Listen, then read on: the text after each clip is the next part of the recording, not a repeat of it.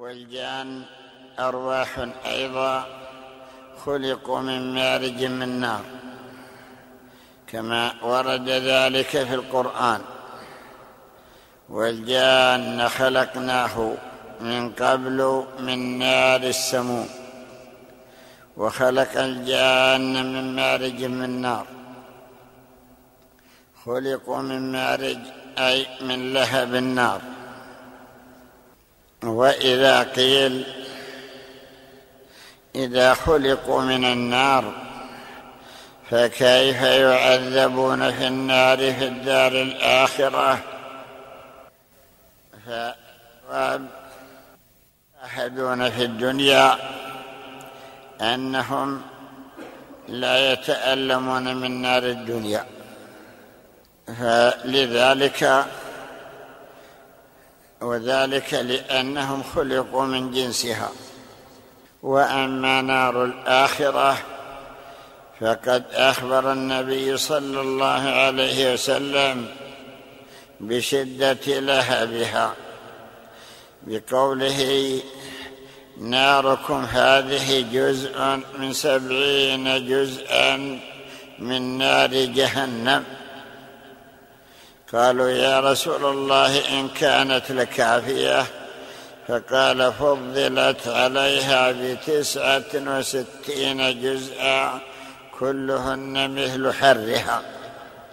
وإذا كان كذلك فلا بد أنهم إذا أدخلوا النار يتألمون وأنهم يلاقون العذاب وإلا لما كان هناك عذاب يحسون به إذا كانت أجسادهم نارية أو ذواتهم نارية. فلذلك نعتقد أن الجن والشياطين والملائكة مخلوقون. أي أنهم بعض من خلق الله تعالى.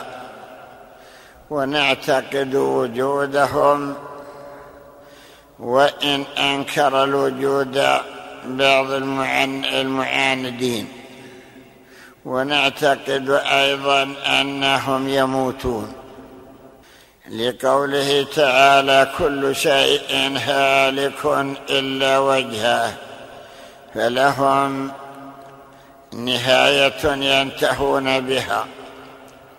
إلا أن الله تعالى أخر إبليس أنظره إلى يوم الوقت المعلوم.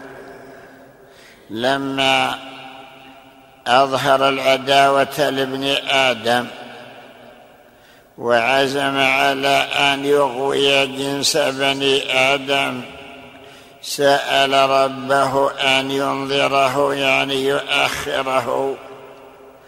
قال رب أنظرني إلى يوم يبعثون. يعني أخرني ولا تمتني إلى يوم يبعثون. قال الله إنك من المنظرين إلى يوم الوقت المعلوم. أي إلى الوقت الذي حدد الله تعالى نهايته فيه فهو في تلك إذا انتهى الوقت المعلوم فلا بد أنه يموت. كما يموت الجن الجن مشاهد أنهم يموتون. أما إبليس فإنه مؤخر. إنك من المنظرين إلى يوم الوقت المعلوم. وفي الدعاء المشهور أن النبي صلى الله عليه وسلم قال في دعائه أنت الحي الذي لا يموت والجن والإنس يموتون. ومشاهد أن الجن يموتون كما يموت الإنس. وموتهم لا بد أن يكون بشيء يحصل لهم. معلوم أن موت الإنس بخروج روحه. فموت الجن أيضا لا بد أن له شيء يحصل به حتى يموت. إما أنه له جسد وروح وتلك الروح والجسد كلاهما خفيف نوراني لا نراه فيقدر الله تعالى عليه الموت ويموت كما يشاء الله تعالى. كذلك أيضا قد أخبر النبي صلى الله عليه وسلم بأن أهل النار وأهل الجنة يبقون في الدار الآخرة لا يموتون. وأن الموت يموت. ورد أن النبي صلى الله عليه وسلم قال يؤتى بالموت في صورة كابش فيوقف على أهل الجنة فيقال يا أهل الجنة فيشرئبون وينظرون ويقال أتعرفون هذا فيقولون نعم هذا الموت. ويقال يا أهل النار فيشرئبون وينظرون. فيقال أتعرفون هذا فيقولون نعم هذا الموت. فيذبح بين الجنة والنار ثم يقال يا أهل الجنة خلود ولا موت. ويا أهل النار خلود فلا موت. فيزداد أهل الجنة فرحا. ويزداد أهل النار حزنا. هذا حديث ثابت في الصحيح. أخبر بأن الموت يذبح. وقد أنكر ذلك. بعض المعاندين وقالوا إذا كان الموت ملكا فكيف يذبح؟ وكيف يعذب بالذبح مع أنه مطيع لأمر الله ولماذا لا يخلد كما تخلد الملائكة؟ وإذا كان الموت عرضا فكيف يموت وهو عرض؟ فالجواب لا يلزم أن يكون عرضا ولا يلزم أن يكون هو نفس الملك. فالله تعالى يمثل الموت للفريقين لأهل الجنة والنار ويعرفون أن هذا هو الموت. يعرفونه وذلك لأنهم شاهدوه في الدنيا. فإن كل ميت لا بد أن الله تعالى يطلعه عند الموت فيراه. أو بعد خروج روحه أن روحه تعرف هذا الموت ويكشف لها ويتبين. فإذا ذبح معناه أعدم ومعناه بعد إعدامه لا يكون هناك موت بل يبقى كل من أهل الدارين في مكة في موضعه في داره فأهل الجنة يبقون في دارهم لا ينتقلون وكذلك أهل النار. هذا مقتضى ذبح الموت الذي ذكر في كتب العقائد. إذا قيل إن الموت هو الملك فنقول الملك موكل بقبض الأرواح. هو الذي وكله الله. قال الله تعالى قل يتوفاكم ملك الموت الذي وكل بكم هكذا أخبر بأنه يتوفانا. يتوفاكم يعني يقبض أرواحكم ملك الموت. لا شك أن هناك موت وأن هناك ملك هو ملك الموت. وأنه يقبض الأرواح على حسب ما ورد في الأحاديث. أصح ما ورد في ذلك حديث البراء الذي في السنن. ذكر فيه أن ملك الموت يجلس عند رأس ذلك المحتضر ويخاطب روحه فيقول اخرجي أيتها الروح الطيبة كانت في الجسد الطيب كنت تعمرينه فتسل روح المؤمن كما تسل الشعرة من العجين. يعني لا يحس بها ولا يتأثر. وفي رواية تسيل روحه كما تسيل القطرة من فم السقا أي لا يحس بألم. وذكر أنه بعدما يقبض روحه تقبضها منه الملائكة ثم يجعلونها في حنوط وياسمين وأكفان من أكفان الجنة كما أن الجثة والجسد يكفنه أهل الدنيا ويحنطونه. ويجعلونه في هذه الأكفان فكذلك الروح. يحنطها الملائكة ويكفنونها مع أنها لا تفنى بل هي باقية. وكذلك قال فيها في روح الكافر أن الملك يقول اخرجي أيتها الروح الخبيثة. كانت في الجسد الخبيث كنت تعمرينه اخرجي إلى سخط من الله وغضب وأنها تتفرق في جسده وأنه ينتزعها كما ينتزع السفود من الصوف المبلول. معلوم أن السفود الذي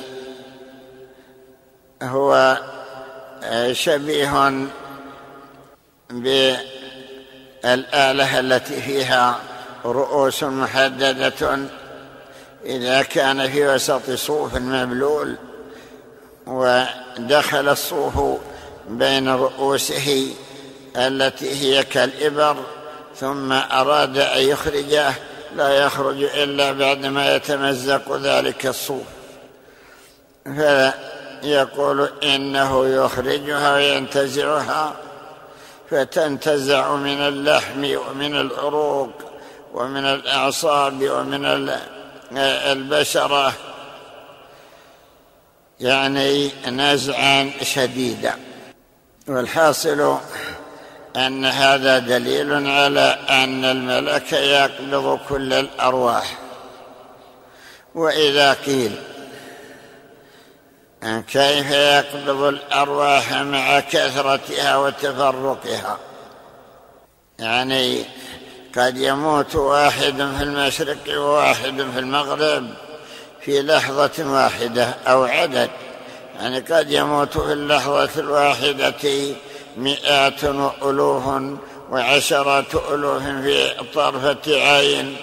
فكيف يقبضهم ملك واحد؟ لا مانع من أن الله اقدره على ذلك وجعل له قوة يطلع بها على الجميع فيقبض روح هذا وروح هذا ويمكن أن يكون له أعوان يقبضون معه. دليل ذلك قول الله تعالى حتى إذا جاء أحدكم الموت توفته رسلنا وهم لا يفرطون. فرسلنا يعني من الملائكة أخبر بأنها تتوفاه وهو دليل على أنهم عدد. وأما ما ذكر من صفة ملك الموت وأن له سبعون ألف رأس وأن له سبعون ألف يد أو في كل رأس سبعون ألف شعرة وفي كل شعرة سبعون ألف روح أو نفس أو ما أشبه ذلك. فإن هذه أحاديث أو آثار يذكرها القصاص. وليست بثابتة. القصاص الذين يعظون في المساجد وفي المجتمعات وفي الأسواق يروون مثل هذه الأحاديث والقصص ولا أصل لها. ولكن يذكرونها لأجل ترويع الناس ولأجل تهويل الأمر وما أشبه ذلك.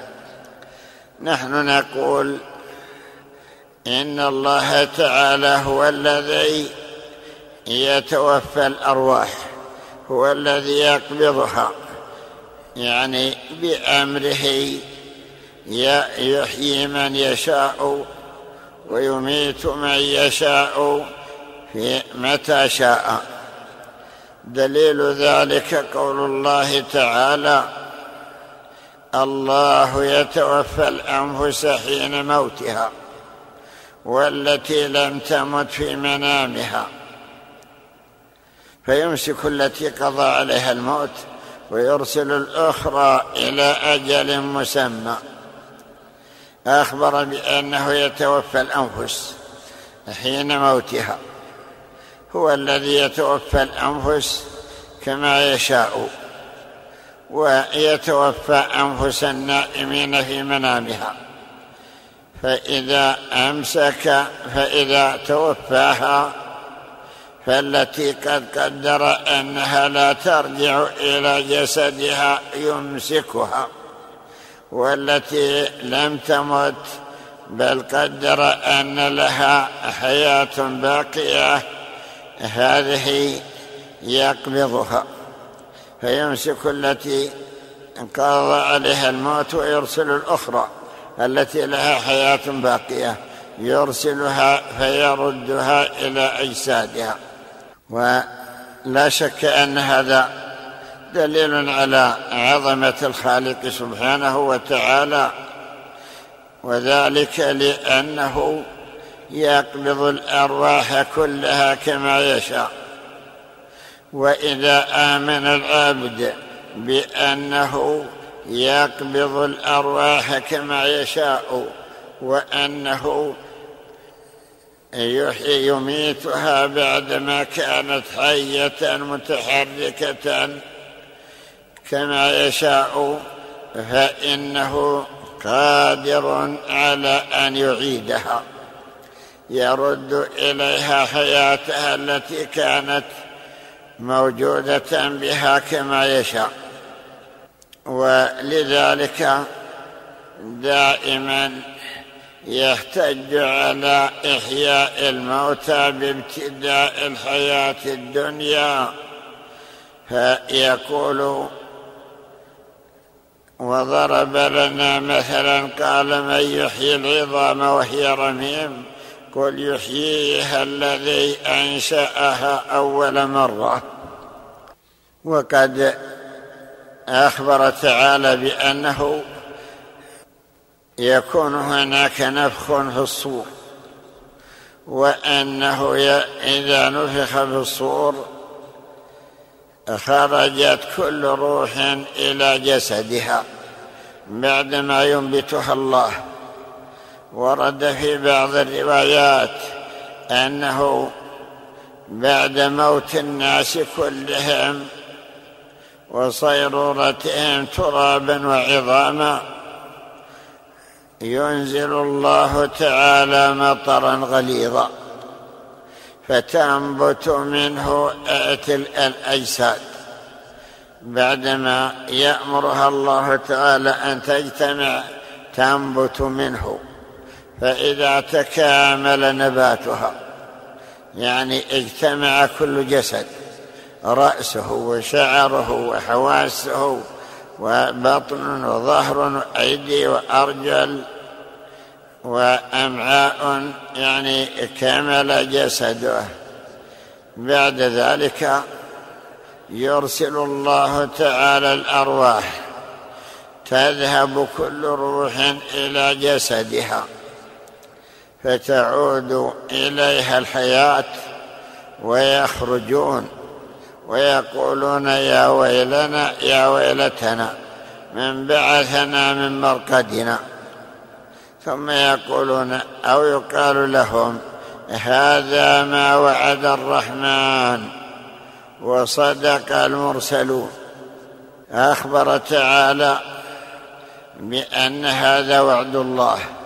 وأنه لا يخلف وعده وعد بأنها ستعاد تلك الأرواح إلى أجسادها.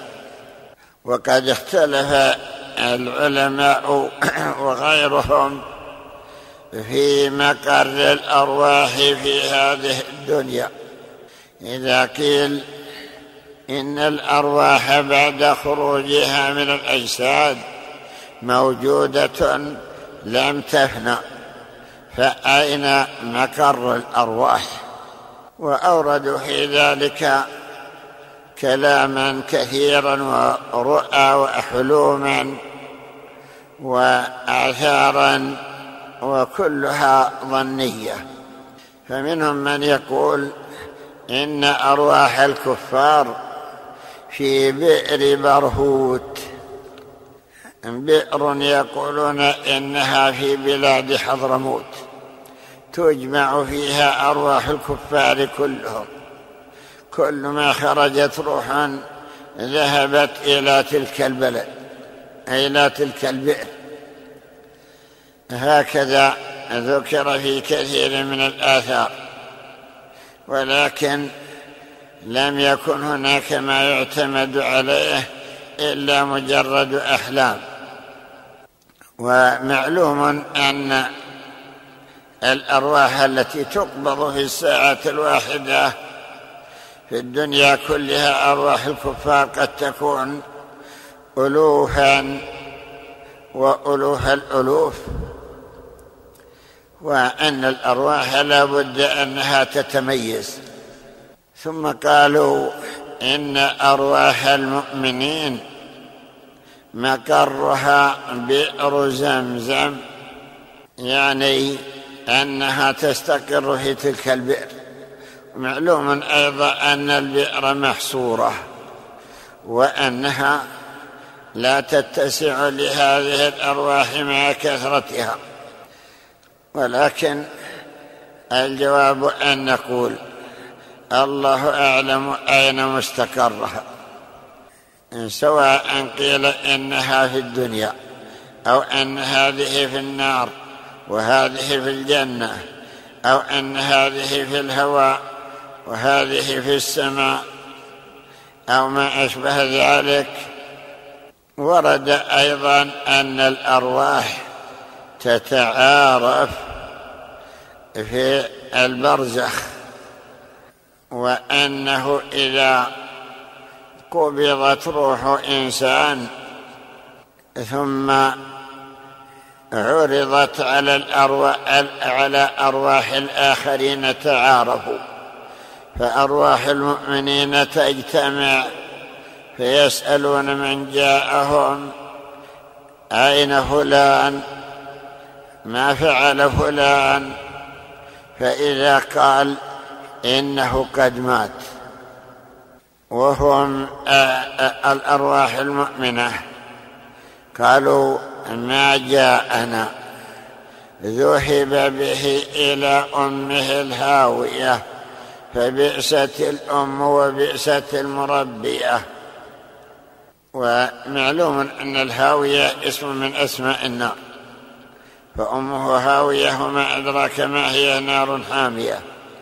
فيفهم من هذا أن أرواح الكفار تلقى في النار كما يشاء الله وأن أرواح المؤمنين تكون في الجنة أو في جنة في الدنيا وكل ذلك من علم الغيب الذي لم يطلع الله تعالى عليه بشرا.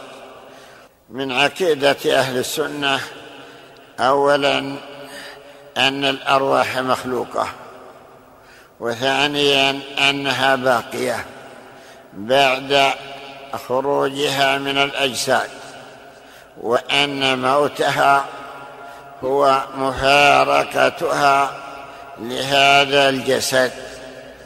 وقد ذكرنا أنهم اختلفوا اختلافا كثيرا في كيفية هذه الروح وفي ماهيتها ولم يصلوا إلى قول محقق. نهاية قولهم أن قالوا ما قال الله ويسألونك عن الروح قل الروح من أمر ربي.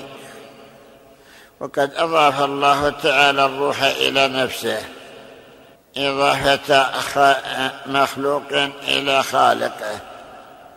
في قصة في قصة خلق آدم في قوله تعالى إني خالق بشرا من طين فإذا سويته ونفخت فيه من روحي فقعوا له ساجدين. نفخت فيه من روحي. يعني جسد أول ما خلق نفخت فيه الروح. فعاش بعدما كان جسدا ملقى. نفخت فيه من روحي. لم نعلم كيفية تلك الروح التي تنفخ فيه؟ وكذلك أيضا أخبر أن عيسى روح من الله. في قوله تعالى عن عيسى انما المسيح عيسى ابن مريم. رسول الله وكلمته ألقاها إلى مريم وروح منه. يعني من جملة الأرواح التي خلقها. وقد أخبر أيضا أن عيسى ينفخ في الطير فيعيش الطير ويقول وإذ تخلق من الطين كهيئة الطير فتنفخ فيها فتكون طائرا بإذن الله. يعني أعطاه الله تعالى في نفسه حياة وروحا ينفخ في ذلك الصورة التي يصورها من الطين حتى تكون هيكلا لحما وعظاما وريشا. فينفخ في تلك الصورة فيطير ذلك الطير. ولكن يقولون إنه يطير حتى إذا غاب عن الأعين سقط ميتا. ليعلم الفرق بين خلق الله تعالى وخلق عيسى مع أنه أخبر بأن هذا الخلق بأنه خلق بإذنه بإذني أي بإرادتي ومشيئتي. فالحاصل أننا نعتقد أن قاصرون عن إدراك معرفة خلق الله تعالى وأصغر الخلق بل واقربهم إلينا وهي هذه الأرواح. فإذا عجزنا عن معرفة كيفيتها فكيف نخوض بعد ذلك في تكييف خلق الله تعالى أو في تكيف صورة أو في تكيف أو تصوير شيء من صفاته. فنحن عن ذلك أو لو أعجز فعلينا الرضا والتسليم. الآن نواصل القراءة. بسم الله الرحمن الرحيم. الحمد لله رب العالمين والصلاة والسلام على أشرف المرسلين نبينا محمد وعلى آله وصحبه أجمعين. قال رحمه الله تعالى حدثنا الوليد بن أبان قال حدثنا محمد بن أيوب قال أخبرنا التبوذكي قال حدثنا حماد قال حدثنا أبو عمران الجوني. عن عبد الله بن رباح أن كعبا رحمه الله تعالى قال إن إبراهيم خليل الله تبارك وتعالى دخل بيت عبادته الذي كان يتعبد فيه. فرأى فيه رجلا فقال ما أدخلك؟ هنا بإذن من دخلت. قال بإذن ربي قال إبراهيم فهو أحق به. قال فمن أنت؟ قال أنا ملك الموت. قال له كذبت. إن ملك الموت له علامة يعرف بها. قال فحول ملك الموت إليه الموت عليه السلام وجهه وقلب قفاه. وقلب قفاه فإذا عيناه في قفاه تزهوان.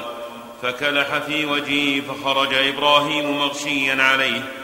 فلما ذهب ملك الموت أفاق ثم عرض له مرة أخرى في هيئة رجل ضعيف فجعل يمشي معه وهو آخذ بيده فدعا إبراهيم عليه السلام دعوة, دعوة لآل السماء والأرض. فلما دخل الدار وفي الدار سارة عليه السلام وإسحاق عليه السلام فلما رآه إسحاق عليه السلام عرف أنه ملك الموت عليه السلام ثم قام ملك الموت فبكى إسحاق وسارة ثم بكى إبراهيم ثم بكى ملك الموت فذهب فأقبل إبراهيم على إسحاق وسارة. فقال بكيت ما حتى بكى الضيف وبكيت وذهب. قال إسحاق يا أبت ليس بضيف ولكنه ملك الموت عليه السلام. لو علمت أنه يريدني أو يريد أمي ما بكيت ولكني ظننت إنما يريدك. فعرج ملك الموت إلى السماء فقال أي رب جئتك من عند عبد لك ما في الأرض بعده خير. لقد دعا بدعوة لأهل السماء والأرض. فقال الله تبارك وتعالى أنا أعلم بعبدي. اذهب. فاقبض روحه فنزل في هيئة شيخ كبير فدخل حائطا فيه عنب فجعل يأكل عنبا وماء العنب يسيل على لحيته فجعل إبراهيم صلى الله عليه وسلم ينظر إليه فقال يا عبد الله كم أتى عليك؟ فذكر مثل سن إبراهيم فاشتهى إبراهيم الموت فشمه شمة فقبض روحه صلى الله عليه وسلم. قال حدثنا الوليد قال حدثنا عمرو بن سعيد قال حدثنا إسحاق بن إبراهيم الحنظلي قال حدثنا إبراهيم بن أبي بكر بن أبي بن المنكدر قال سمعت محمد بن المنكدر رحمه الله تعالى يقول كان إبراهيم الخليل عليه السلام من أغير الناس فكان لا تدخل داره فكان لا تدخل داره. فبينا هو يوما في داره إذ دخل عليه كهيئة الإنسان فقال له إبراهيم من أدخلك داري؟ قال أدخلني ربها. قال وهل لها رب غيري؟ قال فعرف حينئذ أنه ملك الموت.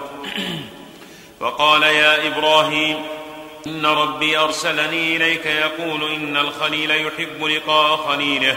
وأمرني أن أقبض نفسك بأيسر ما قبضت نفس مؤمن قال فإني أسألك بحق الذي أرسلك أن تراجعه لي. فصعد ملك الموت حتى وقف من الله تعالى الموقف الذي كان يقفه فقال إن خليلك سألني أن أراجعك فيه. فقال ائته وقل له إن ربك يقول إن الخليل يحب أن يلقى خليله. وأمرني أن أقبض نفسك بايسر ما قبضت نفس مؤمن قال وهكذا تأتي إلى كل من تريد أن تقبض أن تقبض نفسه. قال لا. قال فأرني صورتك التي تأتي بها الكافر. قال فغمض, فغمض عينيك. ثم قال افتح ففتح فإذا هو بأقبح الناس صورة وانتنه ريحا. فقال ارجع إلى صورتك الأولى. قال غمض عينيك فغمض ثم قال افتح ففتح فإذا هو في صورته الأولى. فقال له إبراهيم عليه السلام امض لما أمرت له. قال يا إبراهيم هل شربت شرابا قط؟ قال ما شربت شرابا قط فاستنكه. فقبض نفسه على ذلك. قال حدثنا أحمد بن محمد بن شريح قال حدثنا محمد بن رافع النسابوري قال حدثنا إسماعيل بن عبد الكريم قال حدثني عبد الصمد أنه سمع وهبا رحمه الله تعالى يقول إن رجلا كان يدعو لملك الشمس عليه السلام فدأب ذلك زمانا حتى أتاه ملك الشمس فقال ما تريد بدعائك لملك الشمس الذي تدعو له؟ قال حاجة لي إليه قال ما حاجتك إليه فإني أناه. فقال الرجل أخبرت أنك أكرم الملائكة وأمكن الملائكة عند ملك الموت عليه السلام. فاشفع لي إليه قال نعم أنا مكلمه لك. فما يستطيع أن يفعل لأحد من بني آدم فهو فاعله لك. ثم حمله ملك الشمس بين, بين جناحيه فوضعه عند مطلع الشمس. ثم أتى ملك الموت عليه السلام فقال حاجة لي إليك فقال افعل كل شيء أستطيعه قال صديق لي من بني آدم تشفع به إليك لتؤخر من أجله قال ليس ذلك إلي وما أستطيعه ولكن إن أحببت أن أعلمك أجله متى هو ويتقوم في نفسه فعلت قال نعم أخبره بهذا فنظر في ديوانه فأخبره باسمه فقال قد كلمتني في إنسان ما أراه يموت أخذا. قال وكيف؟ قال لا أجده يموت إلا عند مطلع الشمس. قال فإني أتيتك وتركته هنالك. قال انطلق فلا أنك تجده إلا وقد مات. فرجع إليه فوجده ميتا. قال حدثنا أحمد بن محمد بن شريح قال حدثنا محمد بن رافع قال حدثنا إسماعيل قال حدثني عبد الصمد قال سمعت وهبا رحمه الله تعالى يقول إن رجلا كان يدعو لملك الموت عليه السلام دائبا حتى جاءه فصادفه قال ما حاجتك إلي؟ قال أخر أجلي قال لا أقدر على ذلك ولكن سأعلمك, سأعلمك عند موتك متى تموت. فلما دنا أجله أخبره فقال إنك ميت إلى ثلاثة أيام فاشتكى الرجل. فلما كان يوم الثالث أتي بغلام له أي الذي قال له ملك الموت. إنك ميت إلى ثلاثة أيام طب إلى ثلاثة أيام طباخ. فأضجعه مكانه على الفراش الذي كان عليه واختبأ في مكان الطباخ الذي كان فيه حيث كان يخبز. فأتى ذلك الرجل من يتوفاه فقال له الرجل ما تريد سيدي وهو ذاك في البيت؟ قال ما أريد إلا إياك. فتوفاه مكانه عند التنور. قال حدثنا عبد الله بن محمد بن زكريا. قال حدثنا سهل بن عثمان. قال حدثنا حفص عن الأعمش عن حمزة أبي عمارة عن شهر بن حوشب رحمه الله تعالى قال كان ملك الموت صديقا لسليمان بن داود عليه السلام فبينه ذات يوم معه وابن عم له عنده قال فجاء ملك الموت ينظر إليه فقام ملك الموت فقام الشاب لسليمان منها من فقال الشاب لسليمان من هذا قال ملك الموت قال لقد نظر إلي نظرا أرعب قلبي فمر الريح تل فمر الريح تلقيني بالهند فرجع فقال له سليمان إن ابن عم لي كان معي ذكر أنك نظرت إليه فأرعبته فقال مر الريح تلقيني في الهند فأمرت الريح فألقته قال لقد أمرت بقبض روحه بالهند وقد قبضت روحه قال حدثنا علي بن رستم قال حدثنا عبد الله بن عمر قال حدثنا عبد الصمد قال حدثنا حماد بن سلمة عن عطاء بن السائب عن سعيد بن جبير عن سعيد بن جبير رضي الله عنه في قوله عز وجل وما يعمر من معمر ولا ينقص من عمره إلا في كتاب قال في أول الصحيفة مكتوب عمره ثم يكتب بعد ذلك ذهب يوم ذهب يومان حتى يأتي على أجله.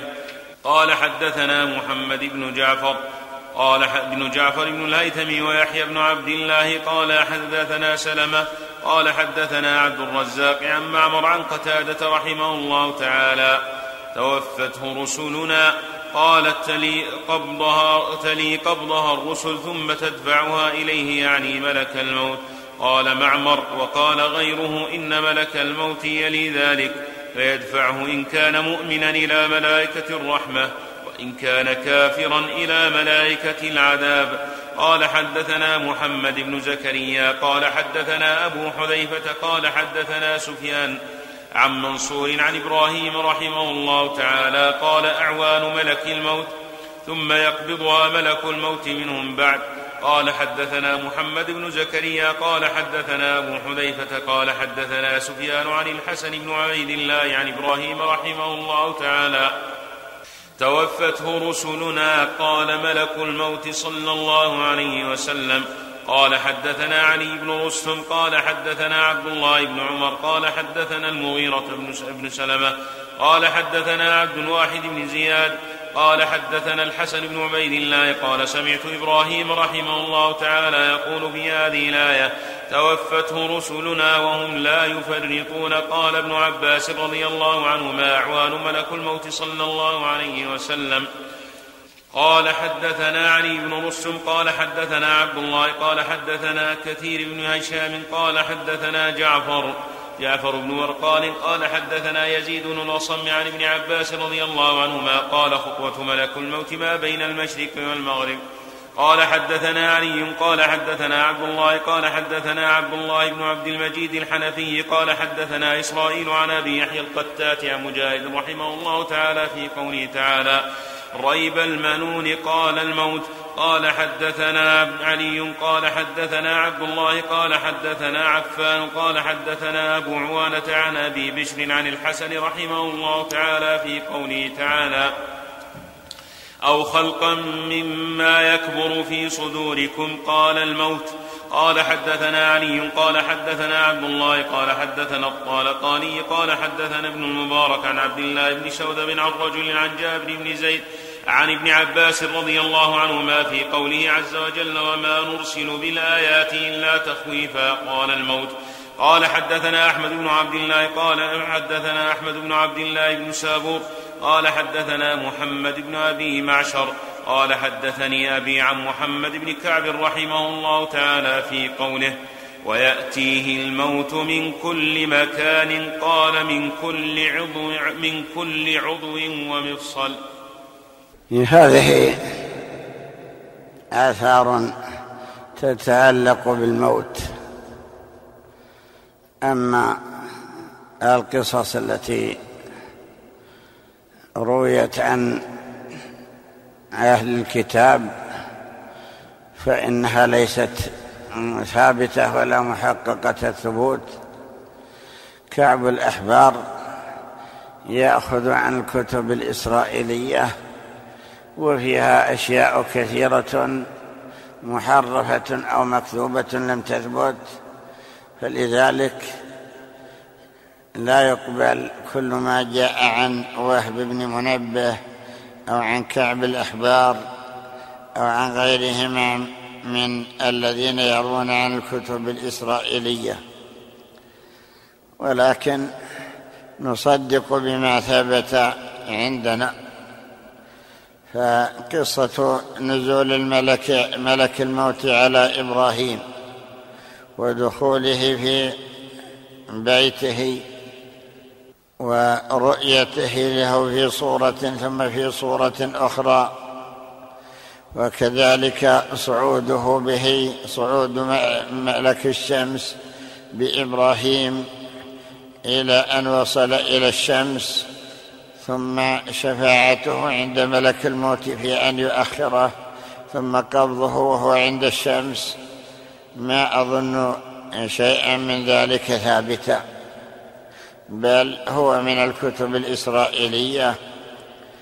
وقد آه، ذكر أن قبر إبراهيم عليه السلام معروف في الشام في تلك الجهات وقبر إسماعيل لا شك أنه دفن في مكة لأنه هو وأمه في مكة. والثابت الذي في الصحيح قصة دخول أو استئذان الملك ملك الموت على موسى. فإن هذا في الصحيح أن الله تعالى أرسل ملك الموت إلى موسى عليه السلام لقبض روحه. فلما رأى الملك في بيته لطمه وفقع عينه. وذلك لأنه تصور بصورة إنسان. فلما فقع عينه صعد الملك رد الله تعالى إليه عينه. وقال الملك إنك أرسلتني إلى بشر لا يريد الموت وهو موسى. فقال الله تعالى لملك الموت قل له يضع يده على ظهر ثور فله أن يعيش بكل شعرة تغطيها يده سنة. فقال موسى ثم ماذا؟ قال ثم الموت. فقال فالان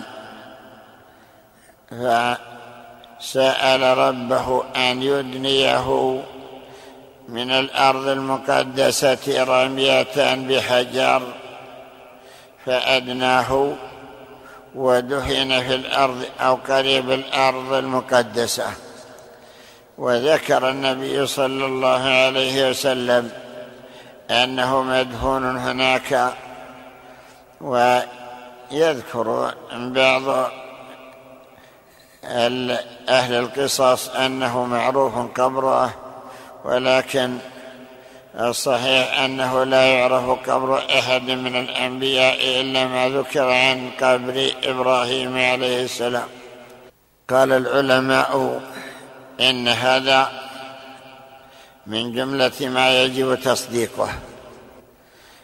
حمل بعض الشراح على أن موسى لما رأى ملك الموت داخلا بيته بدون إذنه ظن أنه يتطلع في بيته وينظر في أسرار بيته فخذفه إما بيده وإما بحجر ففقع عينه وقد أبيح ذلك. ورد أن النبي صلى الله عليه وسلم قال لو أن رجلا اطلع على قوم ففقأوا عينه لم يكن عليهم جناح. فيمكن أن موسى ظن أن هذا يتطلع في بيته وأنه ينظر في أسراره وفيما يخفيه فلطمه. لأن الاستئذان جعل من أجل البصر.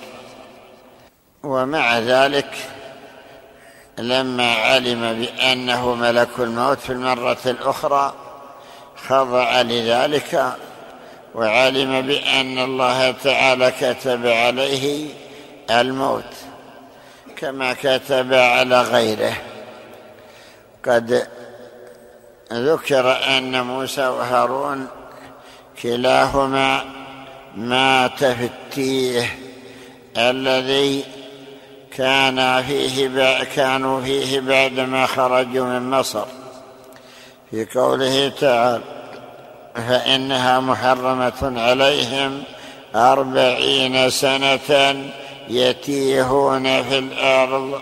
ففي تلك المدة توفي نبي الله موسى وهارون. لا شك أن الموت مكتوب على كل بشر. يقول تعالى كل نفس ذائقة الموت. وأن الموت الذي كتبه الله هو مفارقة الروح لهذا الجسد. فإذا فارقته حصل الموت. فموت الروح فراقها للجسد وموت الجسد خروج الروح منه. وقد أخبر تعالى بقوله كل نفس ذائقة الموت. وقد عرف أيضا أن هذا الموت مخلوق من مخلوقات الله تعالى ليس لنا أن نتصوره. ولا نصل إلى ما يحصل به تصورنا له ومعرفتنا لكيفيته. سمعنا أن بعضهم فسر قول الله تعالى قل كونوا حجارة أو حديدا أو خلقا مما يكبر في صدوركم. خلقا مما يكبر في صدوركم. أن أكبر شيء في صدورهم هو ملك الموت فهو أكبر شيء يمكن تصوره ويمكن أنه نفس الموت خلقا مما يكبر في صدوركم أي لا تقدرون. وفسر قول الله تعالى والنازعات غرقا. أن النازعات هي الملائكة التي تنزع أرواح الكفار والنزع هو الأخذ بشدة يعني أنهم ينزعون الروح من جسد الكافر نزعا قويا تتقطع منه العروق وإن كان ذلك ليس مشاهدا يعني تنزع بشدة. وأن قوله والناشطات نشطا أنها أرواح المؤمنين. تنشط يعني تؤخذ بخفية وبخفة بحيث لا يتألم بذلك. وإن كان ورد أيضا أن المؤمن يشدد عليه الموت ليكون ذلك تكفيرا لسيئاته. وبذلك فسر الحديث الذي قال فيه صلى الله عليه وسلم المؤمن يموت بعرق الجبين. يعني أنه يموت موتا شديدا يعرق منه جبينه وإن كان هذا الحديث له عدة احتمالات. وقد ثبت أيضا أنه صلى الله عليه وسلم لما توفي لم يكن هناك شدة نزع وإنما كان متكئا على زوجته عائشة فلم تشعر إلا وقد خرجت روحه بعد قوله اللهم في الرفيق الأعلى ثم قضى. وعلى كل حال فإننا نعتقد أن كل مخلوق من مخلوقات الله من الجن والإنس فإن مآلهم إلى الموت وأن الموت هو أكبر شيء وأهول شيء يتصورونه. قد فسر بذلك قول الله تعالى وما نرسل بالآيات إلا تخويفا كما ذكر في هذا الأثر. أي من الآيات التي يرسل الله يرسلها الله تعالى تخويفا لنوع الإنسان. هذا الموت يعني أنه يقبض الإنسان بين أهله. وبين أولاده وإخوته وهم يشاهدون ولا يستطيعون رد روحه كما قال الله تعالى فلولا إن كنتم غير مدينين ترجعونها إن كنتم صادقين. أي إذا كنتم تدعون أنكم غير مدينين. أي غير محاسبين فردوا هذه الروح بعدما تخرج أي لا تستطيعون ذلك. والله أعلم.